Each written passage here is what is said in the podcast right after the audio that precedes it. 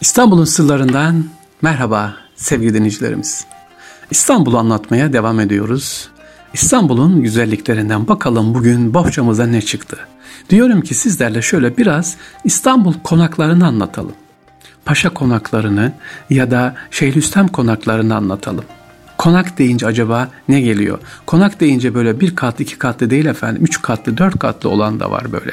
Ama öyle bugünkü betondan değil tabii ahşap yapı. Odaları çok geleni gideni çok en az bir konakta 30-40 kişi çalıştığı e, bir ev düşünün. İşte konak bu.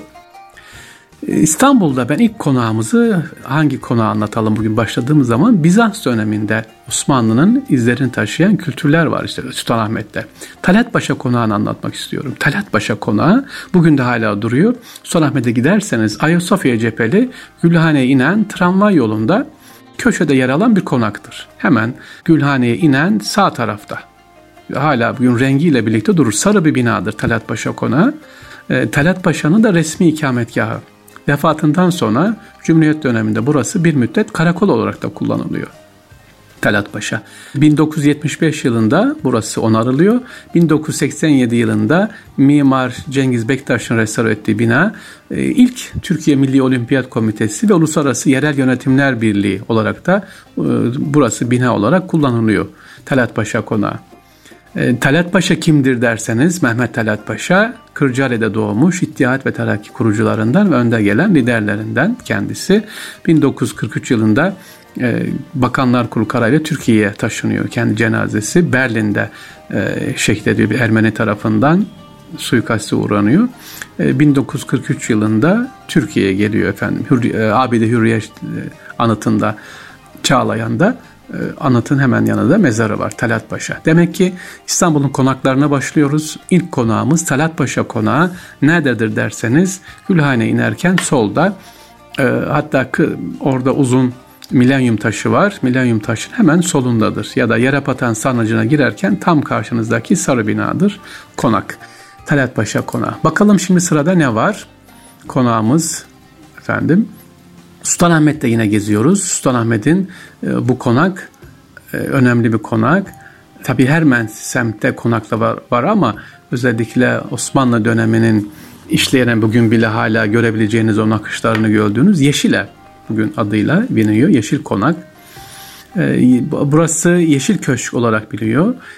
Yabancı turistlerin tercih ettiği bir otel olarak kullanılıyor. Üç katlı ahşap konağın inşaat tarihi mimarı bilinmiyor ama Yeşil Köşk Reji Nazır Osmanlı döneminin tekel müdürü yani Şükrü Bey'in konağı olarak biliniyor. Buranın özelliği ne? Neden size Yeşil Evi anlatıyorum ya da Şükrü Bey'in konağını anlatıyorum sevgili dinleyiciler? Fransız Cumhurbaşkanı burada konaklıyor Sultanahmet Meydanı'nda. Ayasofya ile Sultanahmet Camii arasında Cedid Mehmet Efendi medresin hemen yanında bu konak. Sultanahmet'e giderseniz zaten görürsünüz böyle hafif e, çağla yeşili de bir rengi var konağın. Bu konak 1977 yılında Turing bir otomobil kuru tarafından restore ediliyor kullanılır bir hale getiriliyor. 3 katlı alan ahşap konağın 19 odası var. Üst katta büyük bir salon var.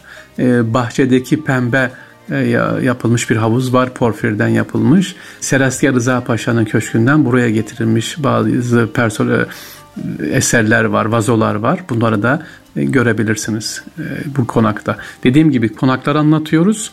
İkinci konağımızda Yeşil Ev gidip görebilirsiniz. Ama Yeşil Ev'in bahçesindeki o süs havuzunu da özellikle görmenizi tavsiye ederim efendim. Başka bir konak Sekiz Dilli Paşa'nın konağı. Sekiz dilli paşa ne demek hocam? Sekiz dil evet sekiz dil konuşabiliyor. Ee, konak eski marif mağazalarının eğitim bakanı Münif Paşa tarafından yaptırılıyor. Nerede bu konak?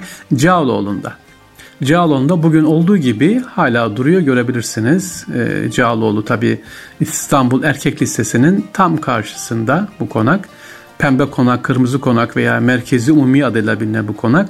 Şimdi de Yanık Saraylar olarak biliniyor burada efendim. Gittiğiniz zaman görürsünüz ahşap bir bina duruyor. Harap bir vaziyette ama yakında inşallah restorasyonu devam ediyor.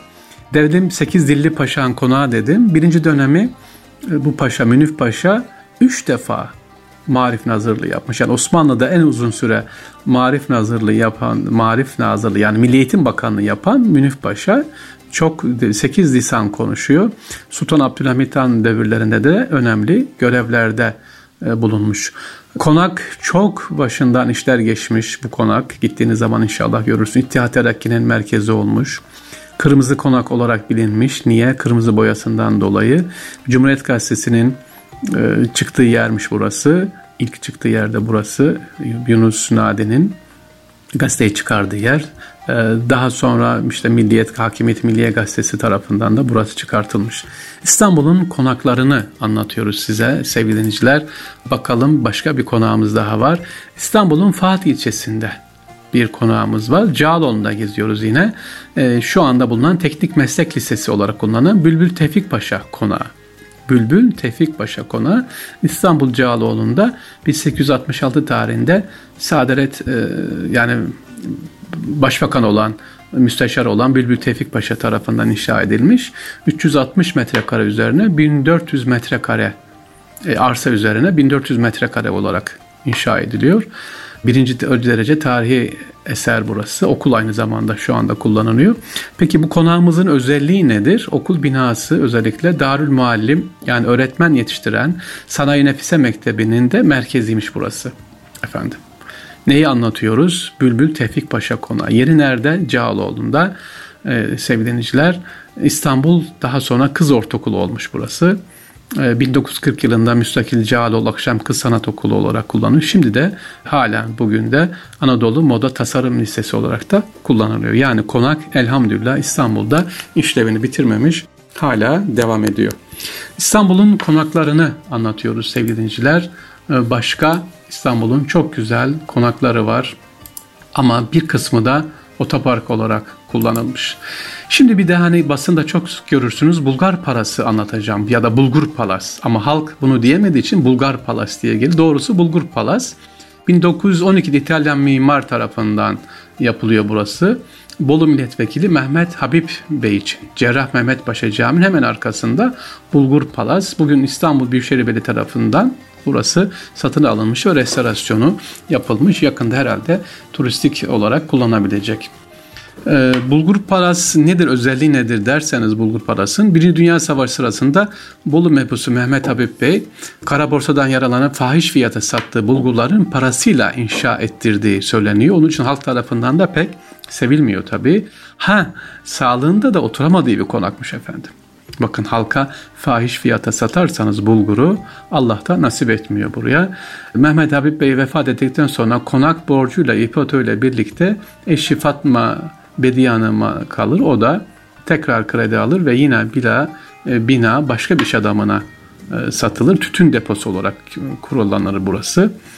Burası nasıl olarak kullanılmış biliyor musunuz? Bulgur parası efendim.